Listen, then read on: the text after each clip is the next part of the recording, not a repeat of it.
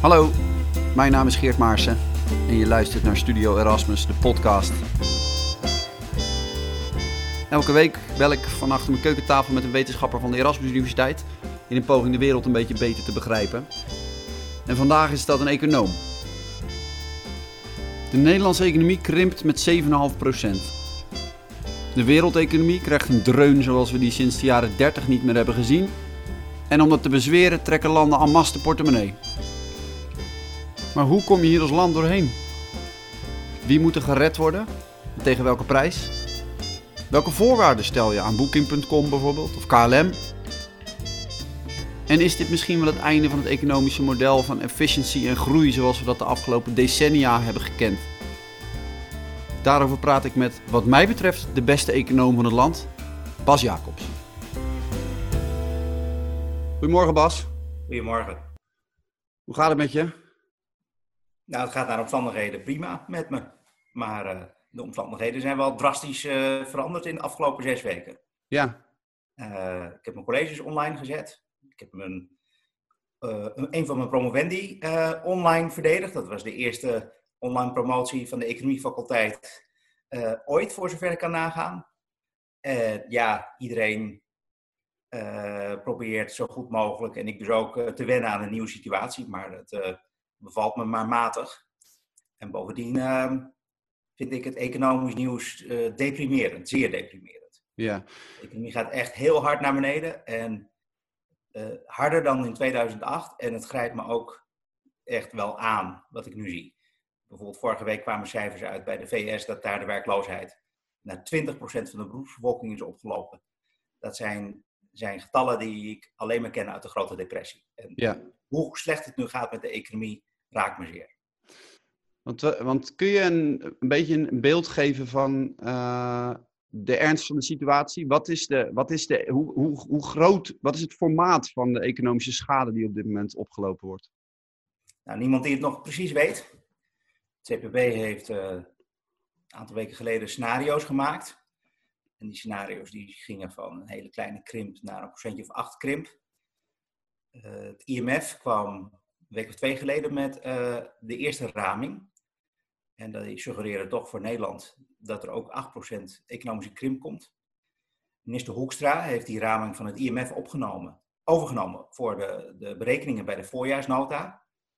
En nou, als dat waar is, dan gaan we in Nederland nu harder omlaag dan in de grote depressie, harder omlaag dan uh, in de grote recessie, dus na de val van Lehman Brothers.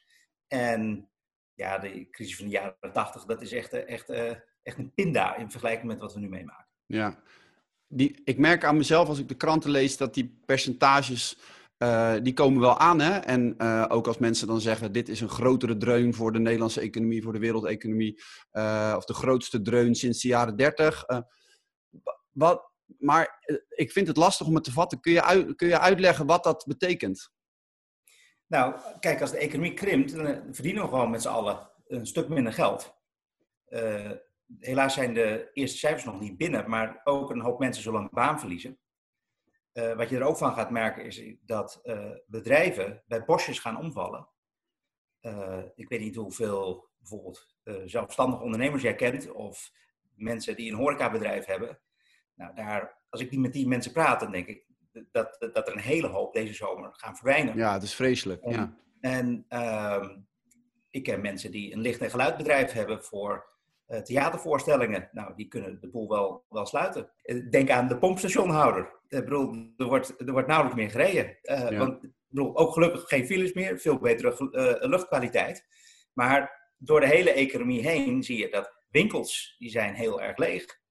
En uh, ja, zelfs als mensen boodschappen uh, naar de winkel toe kunnen, dan, uh, dan nog mijden heel veel mensen natuurlijk plekken waar ze veel andere mensen tegenkomen om de kans te minimaliseren dat ze ja.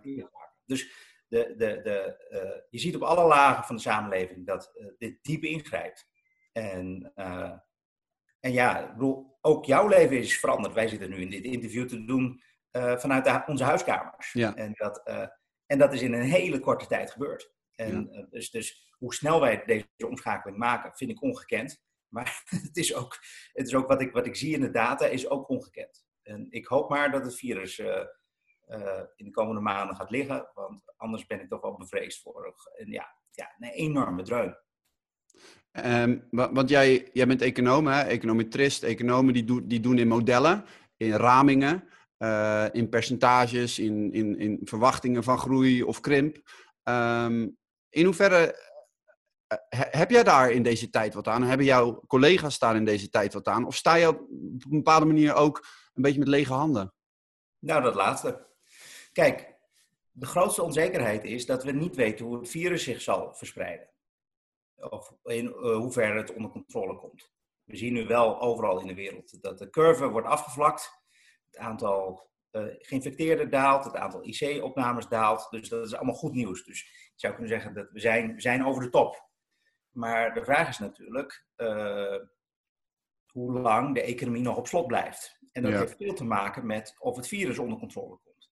Als het onder controle komt, kunnen we langzaam sectoren in de economie weer gaan openen. En dan zal de schade, economische schade, beperkt blijven. Op het moment dat het virus niet onder controle komt, blijven met heel veel sectoren op slot zitten. En dan zal de schade veel groter worden. Dus de vraag, komt het virus onder controle?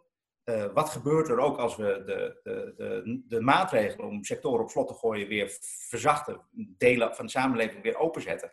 Wat gaat er dan gebeuren? Zie je dan een opleving van het virus? Moet je dan alsnog weer ingrepen uh, maken enzovoort?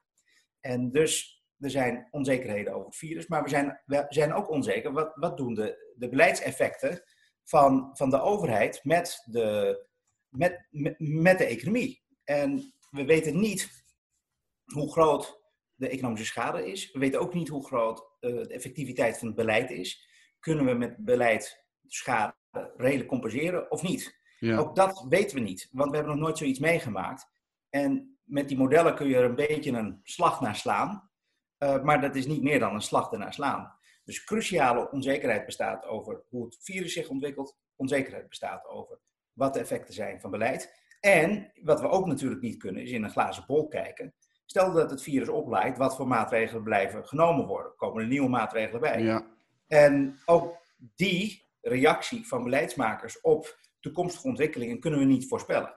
Dus het is niet meer dan een raming, geen voorspelling. En een raming is wel nuttig, want het helpt beleidsmakers om uh, toch, gegeven de onzekerheden die er zijn, iets van een idee te krijgen van wat is, zijn nu de kosten van de maatregelen die we nemen, hoeveel mensen worden misschien werkloos, hoeveel inkomen verliezen we, dat soort dingen. Dus dat geeft houvast in de organisatie van de publieke sector.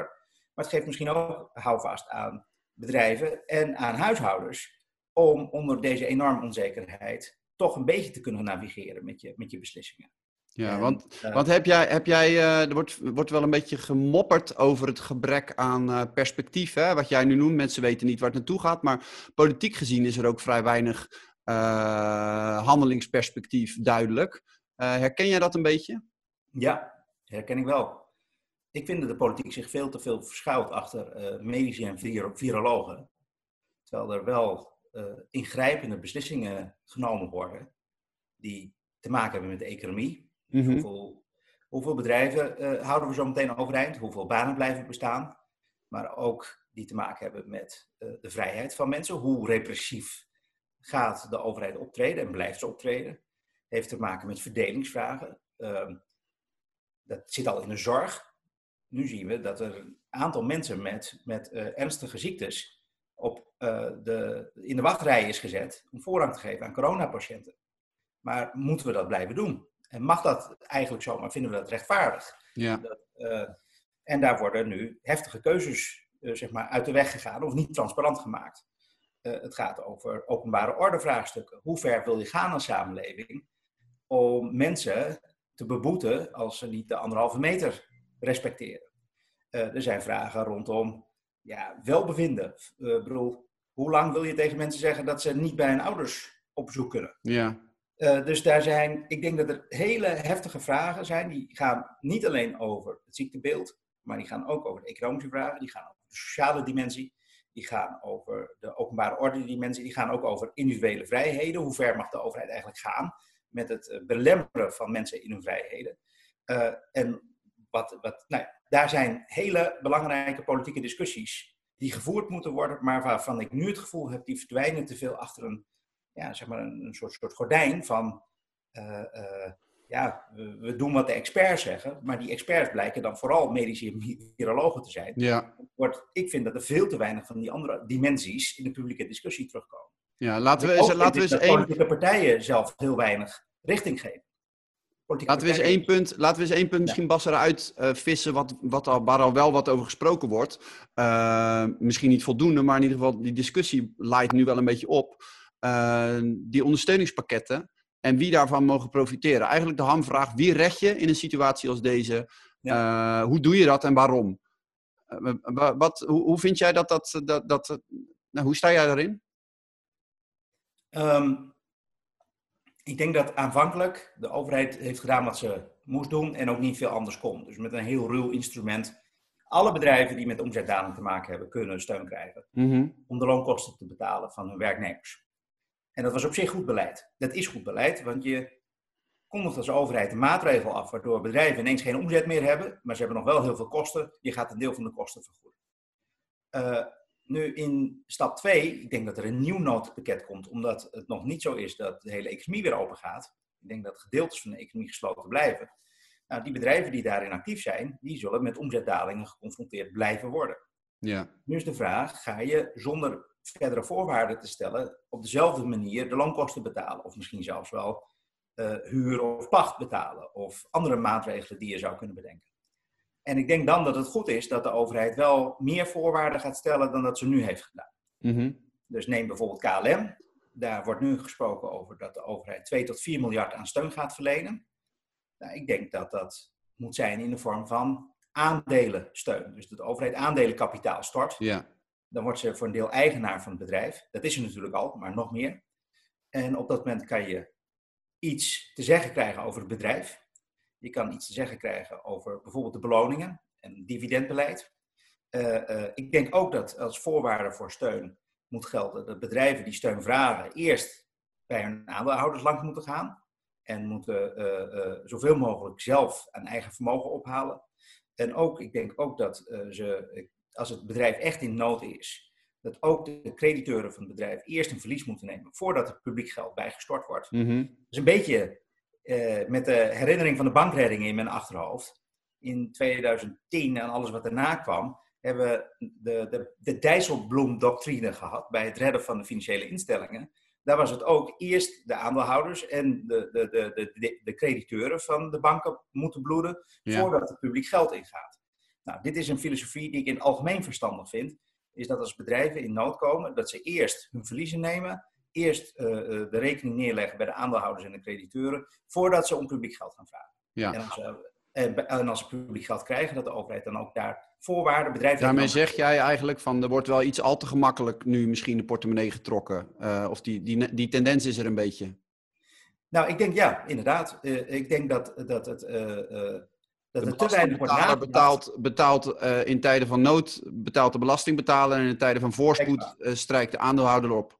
Ja, nou, dat is jouw samenvatting, maar als econoom zeg ik dat, uh, zeg maar, als je eigen vermogen of aandelenvermogen ter beschikking stelt, dan heb je niet alleen het neerwaartse risico, dus als het slecht gaat dat je je geld kwijt bent, maar je hebt ook het opwaartse risico, dat als het goed gaat, zal het bedrijf een dividend betalen. Bijvoorbeeld ja. een opslag op de winst uh, uh, die naar de overheid gaat voor ter beschikking stellen van het vermogen. Dat, dat werkt beter en daardoor krijgt ook de samenleving een aandeel in het opwaartse. Zeg maar, de, de beloning voor het in leven houden van het bedrijf. Ja. En, dat, en dat werkt ook, denk ik, in de incentives, in de prikkels beter dan het huidige, uh, dan, dan zonder meer een carte blanche geven. En dan maar zien of je je geld terugkrijgt. Ja, toch heb jij toen een aantal uh, collega's van jou en prominente Nederlanders een paar weken geleden zeiden van we moeten verregaande eisen gaan stellen aan bedrijven die steun van de Nederlandse overheid krijgen. Um, en, en die vroegen jou van Bas Jacobs, econoom aan de Erasmus Universiteit, wil jij daar je handtekening ook onder zetten, onder die ingezonden brief? In de Volkskrant was het geloof ik hè. Um, toen zei jij nou, ik weet het niet, daar, daar sta ik niet helemaal achter. Kun je jouw beweegredenen in die, in die discussie aan de hand van dat, dat, uh, dat voorstel wat uitleggen? Zeker. Uh, nou, dit, was een uh, initiatief van Ewald Engelen, Jeroen Smits en Marcia Luiten. En zij willen dat naast allerlei bedrijfseconomische eisen, zoals ik die net heb genoemd, uh, dat er ook alleen maar steun mag worden verleend eigenlijk aan bedrijven die duurzaam produceren, bedrijven die geen gebruik maken van overigens legale belastingconstructies, bedrijven die sociaal hun, met hun werknemers omgaan. Hoe je dat precies moet definiëren is een ingewikkelde. Maar die wilden eigenlijk met, hun, met het crisisbeleid om bedrijven in tijden van corona overeind te houden, wilden ze vermengen met het realiseren van al die andere politieke doelen. Mhm. En ik denk dat dat uh, om meerdere redenen niet goed is.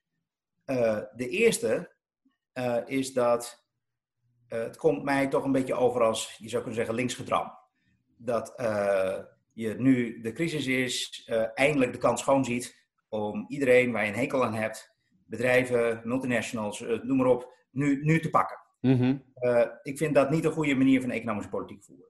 Tweede is dat ik vind het een paardenmiddel wat ze voorstellen. Want het komt er uiteindelijk op neer dat als bedrijven zich niet gedragen zoals deze brievenschrijvers willen, dat, dat je ze uit stuk laat gaan. Dat je ze failliet laat gaan. Ja. Dus als een bedrijf nu niet, uh, niet groen genoeg produceert, dan, dan, dan trek je het kleed onder ze vandaan en laat je, zet je al die werknemers die daar ook werken, zet je op straat, het bedrijf betaalt helemaal geen belasting meer.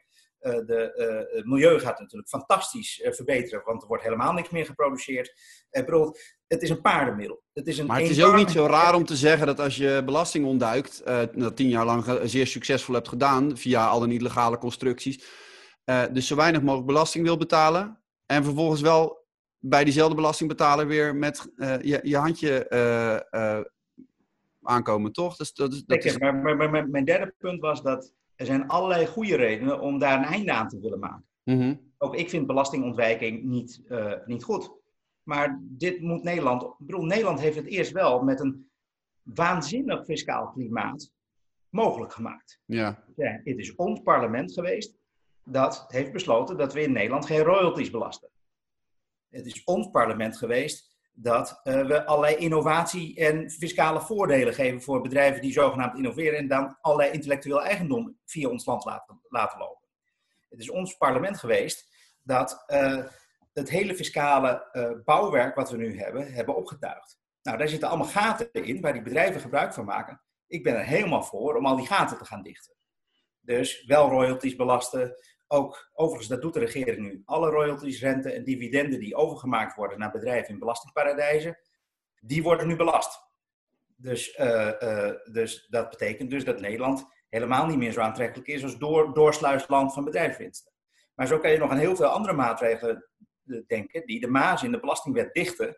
En dat is ook de plek waar je het moet doen. Ja. Ik ben er ook voor, en ik denk de meeste economen, dat we nu op alle CO2-uitstoot een prijs zetten alle CO2-uitstoot moet met, wat is het, eh, minimaal 25, maar liever nog iets van 50 tot 75 euro per ton CO2 uh, uh, beprijsd worden.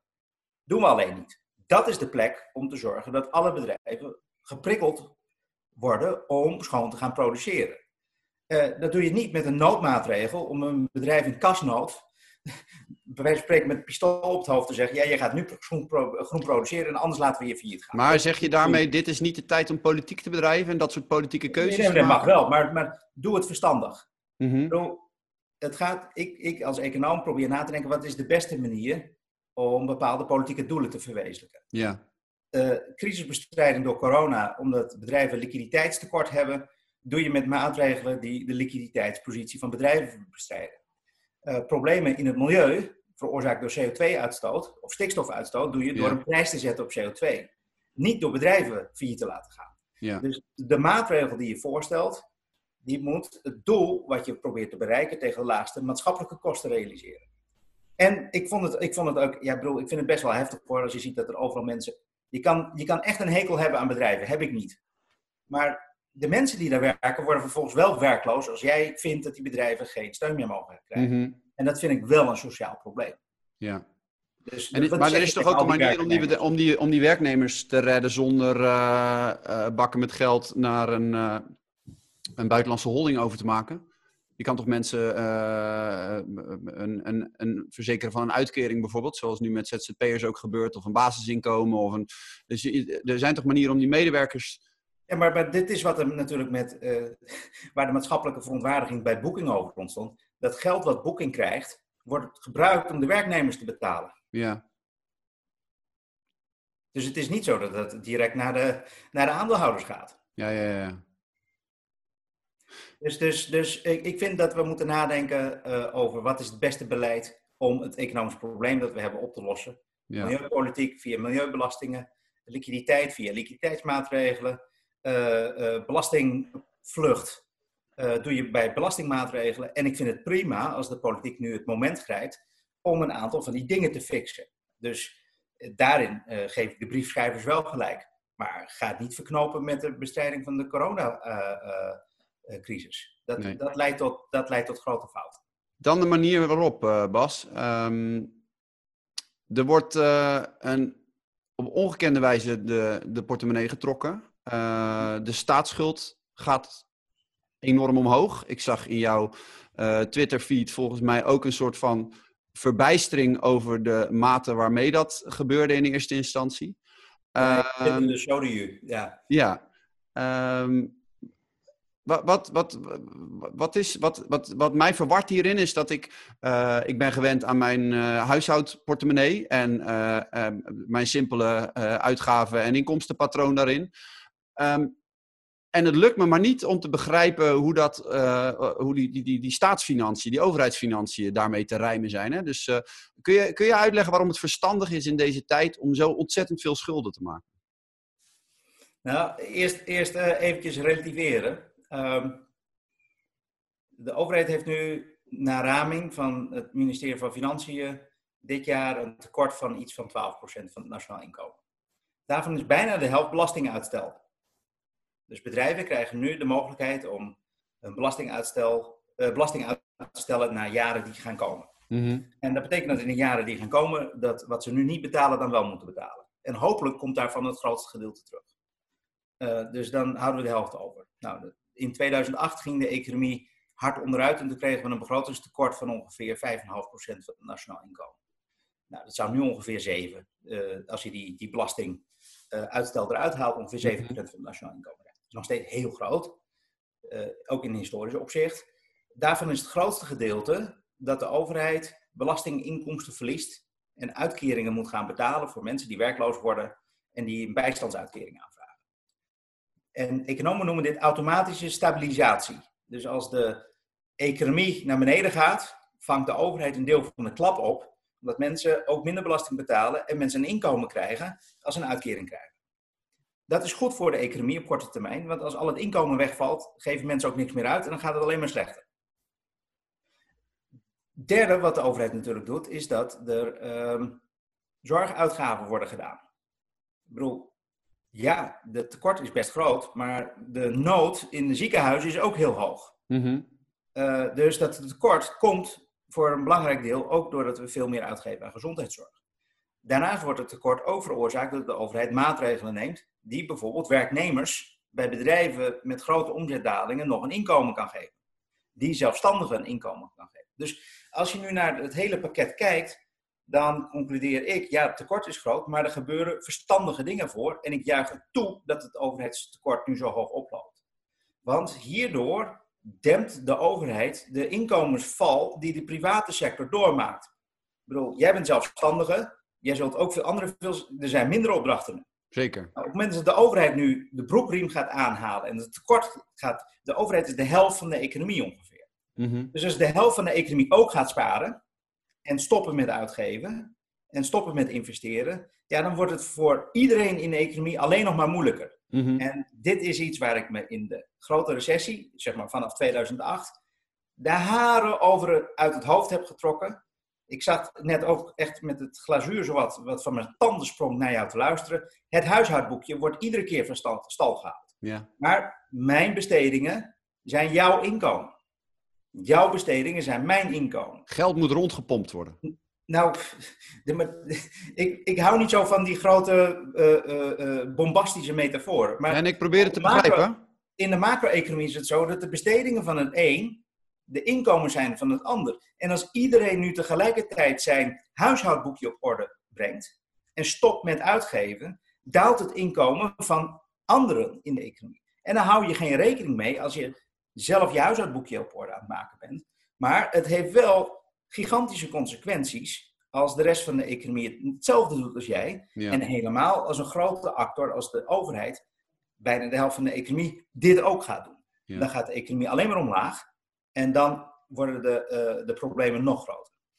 Nou, dan nu, als je kijkt naar wat de overheid nu doet, met het tekort is groot, maar de ramp is ook groot. En we hebben juist staatsschuld om dit soort rampen door de tijd heen uit te smeren, de economische kosten nu te verkleinen, de inkomens van de mensen die nu leven op peil te houden, dus ook deze generatie die nu dit moet doormaken, doormaken eh, te compenseren, en de, de, de kosten een beetje te verdelen door de tijd, ook met toekomstige generaties.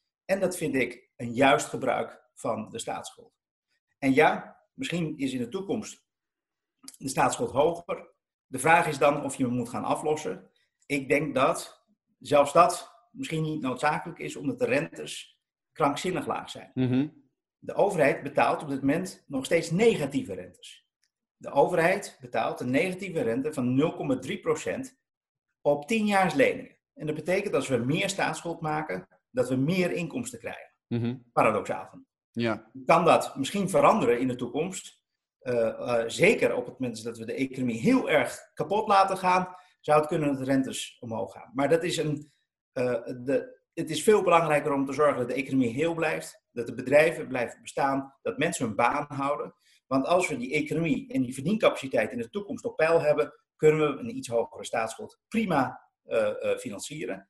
Misschien krijgen we er nog steeds geld op toe. Ja, ik wil het even met je hebben over wat we leren van, uh, van wat we nu doormaken. Hoe, hoe, hoe naar en hoe pijnlijk ook.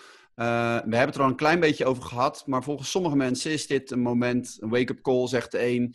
Uh, never waste a good crisis, zegt de ander.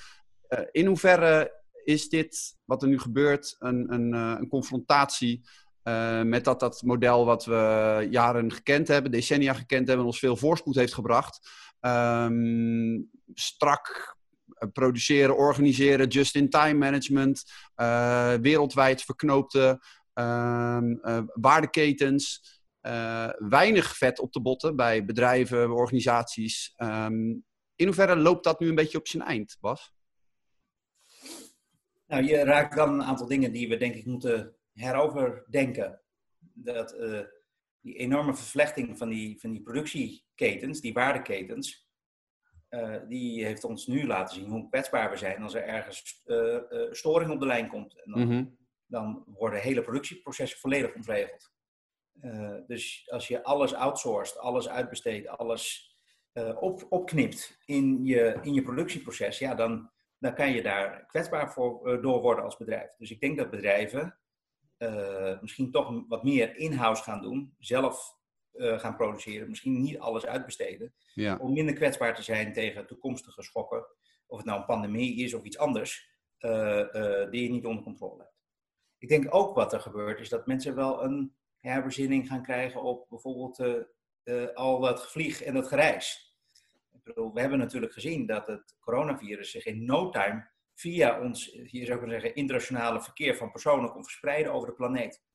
Er zijn prachtige simulaties gedaan. Dat was of in de New York Times of de Washington Post. Washington Post, ja, met die balletjes. Die, die, laten zien hoe snel via het internationale vliegverkeer virussen zich kunnen verspreiden.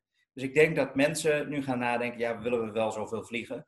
Is het ook wel nodig voor ons werk dat we bijvoorbeeld naar de andere kant van de planeet gaan? Kunnen we niet nu met online conferencing en, en, uh, en, en videomeetings dezelfde dingen bereiken als die we wilden? Dus, dus dat, is, dat is iets, denk ik, wat, wat verandert.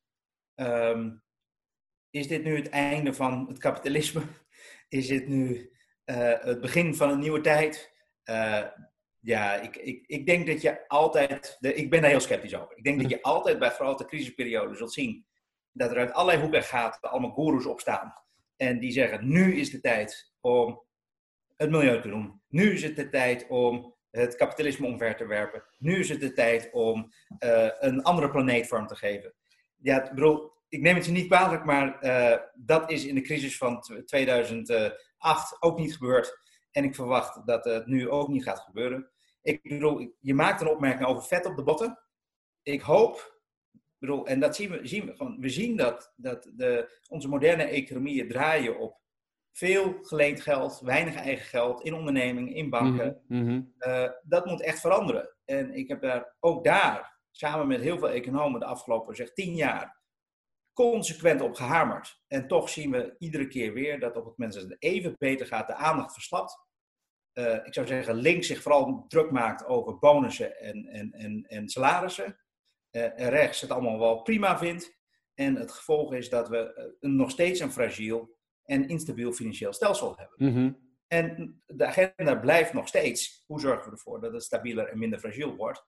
En die agenda is in de grote recessie niet afgemaakt. En ja, misschien loop ik net nu te lang mee, uh, om hoge verwachtingen te hebben dat het nu wel gebeurt. Maar ja. misschien ben ik sceptisch. En hoge verwachtingen gaan dan over uh, die logica die eigenlijk uh, alomtegenwoordig is geworden. Dus bij bedrijven weinig vet op de botten, maar ook bij publieke organisaties. Die logica heb je natuurlijk bij ziekenhuizen ook. Als er ergens, uh, we hebben het nu heel concreet over de IC-capaciteit.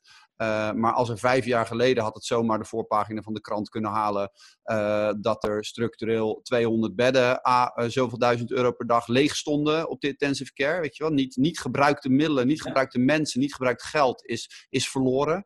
Is dat dan waarvan jij hoopt dat dat, dat, dat een beetje bijgesteld wordt ook? Zeker. En ik denk ook dat bijvoorbeeld een land als Duitsland laat zien dat je, ik bedoel, daar, daar is denk ik toch wat meer risicoaversie, daar is de capaciteit gewoon groter. De testcapaciteit is daar ook groter. Ze weten dat beter te organiseren dan wij. Wij zijn toch heel vaak uh, pennywise, pound foolish. Dat, uh, en ja, uh, dat kost iets meer geld. Ja, dat betekent dat de belastingen iets omhoog moeten of dat we iets anders in de publieke sector niet moeten of niet kunnen doen. maar dat zijn wel politieke keuzes die je kan maken. wat, ik, wat ik denk, bedoel, als econoom kan ik hier eigenlijk geen politiek oordeel over vellen. Maar wat ik waar ik me, waar ik me druk over maak, zijn de, zeg maar de, de externe effecten die ontstaan op het moment dat we zo fragiel zijn. Dus op het moment dat een ziekenhuissysteem overstroomt, ja, en we vervolgens allerlei harde economische maatregelen moeten nemen om te voorkomen dat het virus zich verspreidt in de hele economie en de economie daardoor een enorme op, optaten krijgt, ja, dan is er ook een belangrijk economisch motief om te zorgen dat de ziekenhuiscapaciteit op peil is. Op het moment dat uh, financiële instellingen te zwak zijn gecapitaliseerd, te weinig vet op de botten hebben, om het zo te zeggen, ja, dan leidt de hele economie daaronder op het moment dat er weer een probleem ontstaat. En uh, dus, dus het gaat over die consequenties voor anderen op het moment dat dingen niet goed zijn georganiseerd. En uh, ik denk dat we, of ik hoop dat we echt die agenda van meer eigen geld, minder geleend geld, minder financiële fragiliteit, maar dus ook minder fragiliteit in het gezondheidssysteem, dat we dat, uh, dat, we dat gaan herbezinnen. Want dat, uh, dat heeft consequenties voor de hele samenleving. Ja. Als ze jou zouden vragen, zou je dan in het, uh, want er is nu een outbreak management team waarin microbiologen, virologen, epidemiologen zitten. ben je al gebeld voor, een, voor een, een tweede outbreak management team? Nee, ik ben niet gebeld, maar als ik gevraagd zou worden, zou ik dat zeker doen.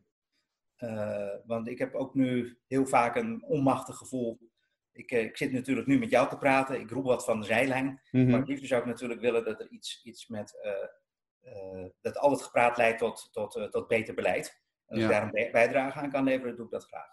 Maar, maar goed, de, de, de, coronabestrijding, dat is dus één ding waarvan ik denk, daar spelen grote vragen. Ik begrijp niet waarom er nog niet voldoende testcapaciteit is. Testen kan mensen heel veel rust geven.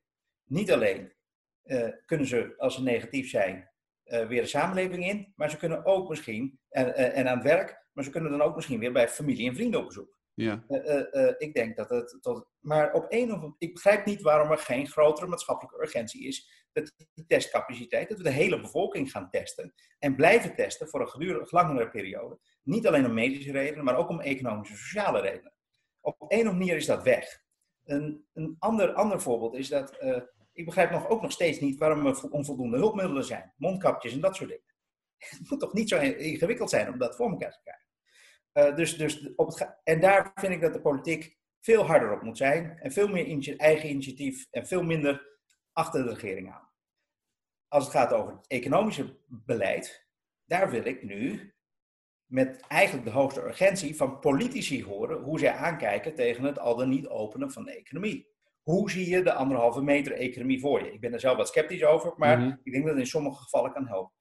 Hoe gaat het jou, die, eh, die quarantaine? Uh, afgezien van de druk eh, van het online college geven en het heruitvinden van, je, van jezelf als, als docent en onderzoeker in deze tijd. Maar Nou, gewoon, gewoon persoonlijk, ja. Ik, ik leid, of althans voor de coronacrisis, leidde ik een leven dat zich veel in cafés en restaurants afspeelde. veel buitenshuis. En dat is echt radicaal veranderd. Ik zie een beperkte groep mensen, die zie ik mhm. nog wel. Ehm, en ja, ik vind het niet, ik vind het niet een leuke tijd. Nee. Je mist het sociale aspect. Je mist mensen te zien, fysieke nabijheid. Ik iemand en, uh, en, en ja, daar zit nu natuurlijk de handrem op. Ja. Uh, en smokkel je een beetje met, met de richtlijnen? Nee, helemaal niet. Nee, ik hou me keurig aan de richtlijnen. Oké. nee, maar ook, ook bedoel, het, het, het, hier, hier, hier gaat het echt over dat. ik zie voor mezelf, je zou kunnen zeggen, niet extreme risico's. Maar waar ik me wel zorgen over zou maken als ik Stel dat ik geïnfecteerd zou worden, dat ik het aan iemand anders zou geven. Dat zou ik mezelf niet kunnen vergeven. Als dat zou. Dus ik denk dat om die reden uh, het ook belangrijk is. Ik denk ook, zometeen als we geleidelijk aan weer open. Ik denk dat, dat, dat afstand houden belangrijk zal blijven. En ik denk dat uh, zolang we nog geen vaccin hebben, is het belangrijk om te zorgen dat de kwetsbaren niet onnodig risico lopen door zeg maar, onvoorzichtig gedrag van de onkwetsbaren of de minder kwetsbaren. Ja. Dus uh, en dat is voor mij zelf gewoon, ja, ik kan er, ik, wat ik al zei, ik zou er niet mee kunnen leven als ik het idee heb van dat ik een ander zou hebben aangestoken door mijn eigen onvoorzichtigheid. Nee. Bas, we hebben het gehad over, uh, over de economische dreun die wordt uitgedeeld, over uh, hoe dat te vermijden. Uh, de afweging die daarbij gemaakt wordt over of dit een, soort wake-up call of een, kantelpunt in de geschiedenis gaat zijn. Zijn er dingen die we, wat jou betreft, onbesproken hebben gelaten die hier nog wel vermeld moeten worden? Nou, ik, ik, ik zie uh, nog wel een discussie oplaaien over hoe we in Europa verder moeten. Uh, Hoekstra heeft natuurlijk zichzelf bepaald niet, uh, erg uh, niet heel diplomatiek uit, uitgelaten ten opzichte van de Italianen. Mm -hmm. En daar is natuurlijk een grote ruzie ontstaan. En ik denk dat als dit echt een grote economische crisis wordt, dat er ook weer allerlei breuklijnen die we in het Europese gebied zien, in de eurozone zien. Maar hoe bedoel, je als dit, hoe bedoel je als dit een grote economische crisis wordt? Dat, oh, is sorry, toch... ja, het heeft iets te maken met. Um, wat ik in Zuid-Europa zie, is dat je. Allereerst is die gezondheidscrisis groter. Dat heeft denk ik bijvoorbeeld in Italië met demografie te maken, veel oudere bevolking, maar ook met een minder uh, goed ontwikkeld zorgstelsel. Dus het gevolg is dat ze daar heftiger maatregelen moeten nemen om de verspreiding van het virus tegen te gaan. Dus daar uh, mag niemand de straat op. Ik bedoel, daar is een totale lockdown van de samenleving. Dat heeft tot gevolg dat de economische schade ook veel groter wordt. Mm En dat kan weer een sneeuwbaleffect veroorzaken. De financiële sector is daar ook zwakker. Dus daar komen de financiële uh, instellingen, de banken, uh, als eerste in grote problemen. En als dat gebeurt, dan krijg je mogelijk weer allerlei problemen binnen de eurozone, omdat banken en overheden nog met elkaar verknoopt zijn en onze instituties op het eurozone-niveau nog niet volledig in staat zijn om financiële crisis zoals we die in 2010 hebben gezien, uh, opnieuw weer te handelen. Daar, en daarover wordt natuurlijk op Europees niveau nu heftig gediscussieerd. En wat ga je dan doen? Moeten we gezamenlijk schuld uitgeven of niet? Uh, of wil je alleen voor de coronabestrijding gezamenlijk schuld uitgeven of niet? Moet er monetair gefinancierd worden bij problemen voor overheden om nog additionele leningen aan te trekken op de kapitaalmarkt. Dus daar spelen hele grote en belangrijke discussies. En die worden ook hier weer vermengd met discussies over hoe ver moeten we met het Europese project doorgaan. Gaan we inderdaad naar gemeenschappelijke schulduitgifte, waarbij alle landen in de eurozone garant staan voor elkaar schulden? Nou, in mhm. Noord-Europa wil men er absoluut niet over pijnzen, maar dit is wel de dynamiek die nu vanuit Zuid-Europa uh, uh, uh, wordt, wordt opgevoerd, zeg maar. Ja, en ook, een, en ook een logica die jij misschien wel zou aanhangen? Of waar, waar, waar, zou jij... Nou, ik, ik, ik vind, vind je het lastig om positie in te nemen daarin? Nou, ik, ik vind dat, dat, er, uh, dat er twee dingen gescheiden moeten worden. Eén, hoe moet je een economische crisis binnen het eurogebied bestrijden? En ik denk dat je een euro, die, die crisis binnen het eurogebied prima kan bestrijden als je uh, dingen als gezamenlijke schulduitgifte voor de coronabestrijding doet. Nou, dat hebben we nu gedaan met 240 miljard uit het noodfonds. Dat is denk ik te weinig. Maar voor het bestrijden van de gevolgen van corona kun je geoormerkt staatsschuld uitgeven waar je met z'n allen garant voor staat. En dat vind ik prima, want we zitten allemaal in hetzelfde schuitje. een Italiaan of een Spanjaard kan er net zo min iets aan doen dat, dat, dat, dat het virus zich in zijn land bevindt als in Nederland. Dus ik denk dat het makkelijk en goed te verdedigen is om solidair met elkaar te zijn om tegen deze zeg maar, natuurramp schouder aan schouder te staan. Maar wat ingewikkelder wordt, is om solidariteit te organiseren als je dan ziet dat die economische consequenties en de financiële consequenties in Zuid-Europa veel groter worden dan bij ons. En dat heeft iets te maken met dat de bol onvoldoende op orde was gebracht voor de coronacrisis. Mhm. En daarvan snap ik de positie van Noord-Europa wel, van ja, uh, uiteindelijk hebben wij minder behoefte om daar de schade van te betalen op mensen dat uh, uh, eigen schuld, dikke, bekend, de eigen schuld dikke was dat het een probleem was. En, en dus willen wij niet praten over, over gemeenschappelijke schulduitgifte voor dat soort dingen. Laat staan eurobonds waarbij we elkaar schulden allemaal garanderen. Dus, dus daar zit ook een, een heel politieke dimensie aan. Nee, laat ik het eerst mijn redenering afmaken. Voor de crisisbestrijding denk ik dat je uh, volledig mutualiseren van alle schulden helemaal niet nodig hebt. Maar je hebt wel een gezamenlijke inspanning nodig om zijn, schouder aan schouder, zij en zij, het, de, het coronaprobleem in de tank te krijgen. Wil je dan nog verder gaan met Europese politieke en economische integratie? En daar bijvoorbeeld een gezamenlijke schulduitgifte, eurobonds in te voeren. Ja, dan kom je in een hele andere discussie terecht over de toekomst van Europa.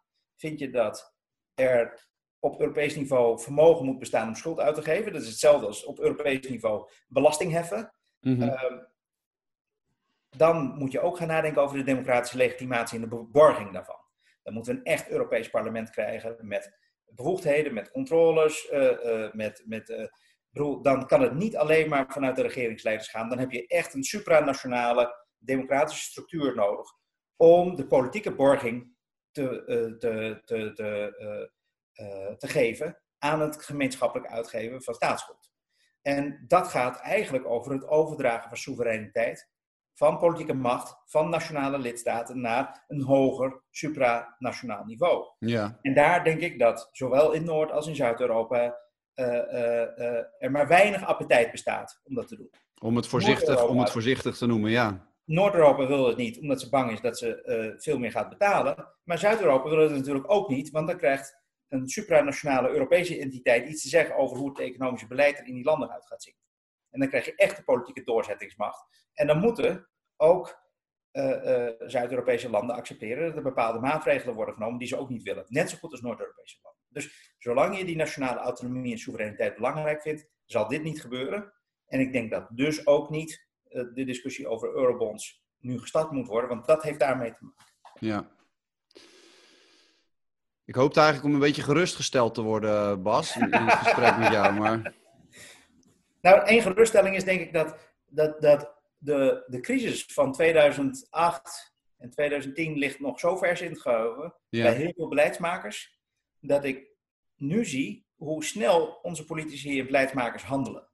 Ik bedoel, dat, dat, dat, is, dat was echt anders eh, eh, tien jaar geleden. En bijvoorbeeld ook hoe snel de ECB een, een enorm pakket aan opkoop, eh, eh, eh, opkoopprogramma heeft in, in zijgers heeft gezet, dat is ongekend. ECB heeft ook nu aangekondigd dat er eh, eh, 3000 miljard aan, aan, liquiditeit beschikbaar wordt gesteld om eventuele steunoperaties te verrichten.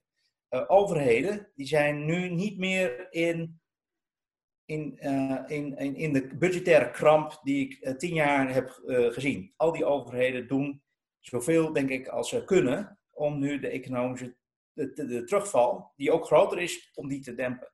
Dus ik denk dat de crisiservaring van de vorige crisis nu wel helpt om deze crisis beter te bestrijden.